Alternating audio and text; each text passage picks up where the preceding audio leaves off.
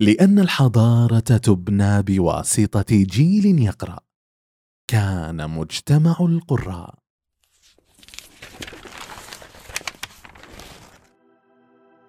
بعض الأحلام نتمناها وننتظرها بترقب ونفاد صبر. وحين تصبح قاب قوسين أو أدنى ندفعها بلا ندم لأننا ارتفعنا بأحلامنا درجة ورفعنا الهمم درجات. فما عادت أحلام الماضي تكفينا وترضينا.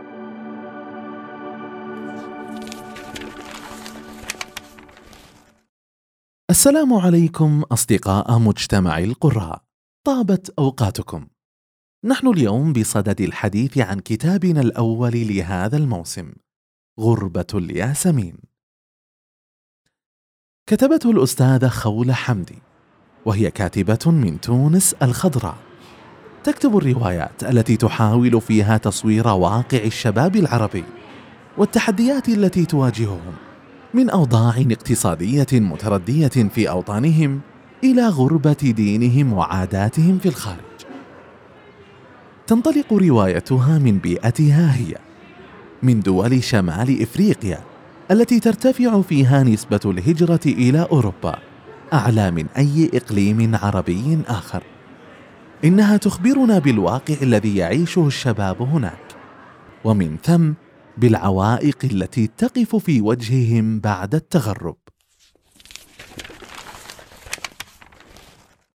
بأدب بسيط يفهمه الجميع وبمعان عميقة تحاول الكاتبة حل بعض الإشكالات وعرض مفاهيم مغلوطة ارتبطت بالدين الإسلامي بشكل ما وذلك بأسلوب روائي.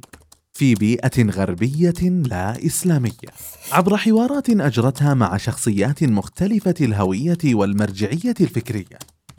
ما جعل الرواية مميزة إذ يستطيع القارئ الخروج منها بفائدة ثقافية حقيقية.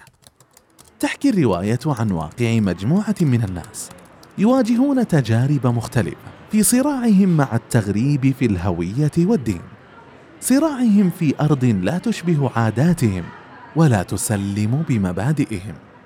أحدهم غريب الوطن والأخرى غريبة الملبس. بعضهم يحاول التعايش بغير هويته فلا هو هذا ولا هو ذاك. وبعضهم يقاوم حتى يحافظ على مبادئه. تقول الكاتبة عن الشابة ياسمين إحدى بطلات الرواية جيلها عرف من المثبطات ما يكفي. لتدرك أي حرب شعواء تنتظرها حين تختار ملبسا محتشما في بلد يعلي من حرية المرأة في التجرد من ثيابها. كان عليها أن تقاتل كل يوم من أجل حقها في حجب شعرها عن الأعين. دول الحرية والديمقراطية التي يتغنون بهما في شعاراتهم وفي الإعلام بينما تختفي تماما في الواقع حين يتعلق الأمر بالدين الإسلامي والمسلمين. فتتحول شعاراتهم ونداءاتهم إلى اتهامات وتحذيرات من خطر الحجاب وغيره.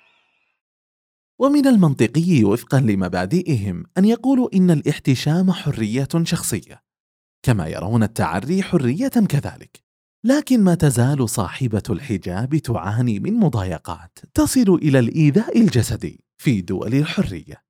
ولا تفسير لما يحدث سوى أنها انتكاسة فطرة وحرب على الذين يحافظون عليها حتى الآن. صبغة الله. ومن أحسن من الله صبغة.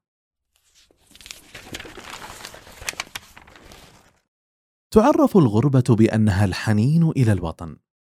وهي في الواقع ليست كذلك فقط. بل هي الحنين إلى الاعتزاز أيضا.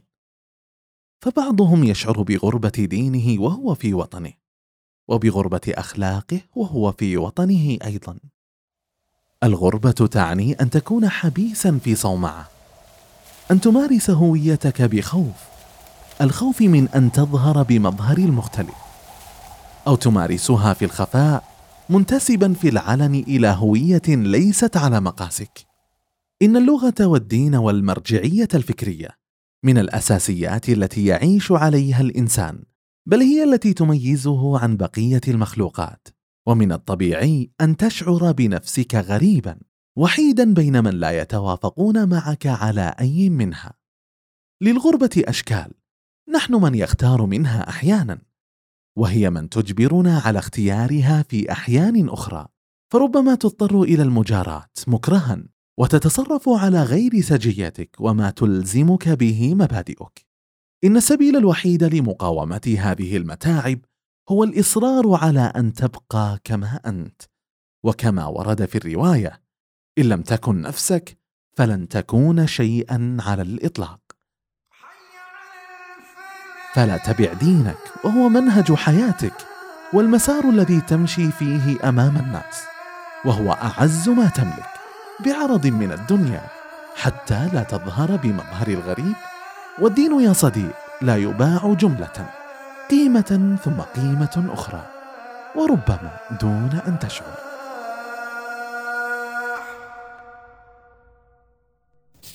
أن تسير وحيدا في الطريق الصحيح. خير من أن تسير مع الحشود في الطريق الخطأ. انتهى حديثنا اليوم عن رواية غربة الياسمين. وهذا الحديث لا يغني عن قراءتها. انتظروا كتابنا القادم. دمتم بخير يا أصدقاء.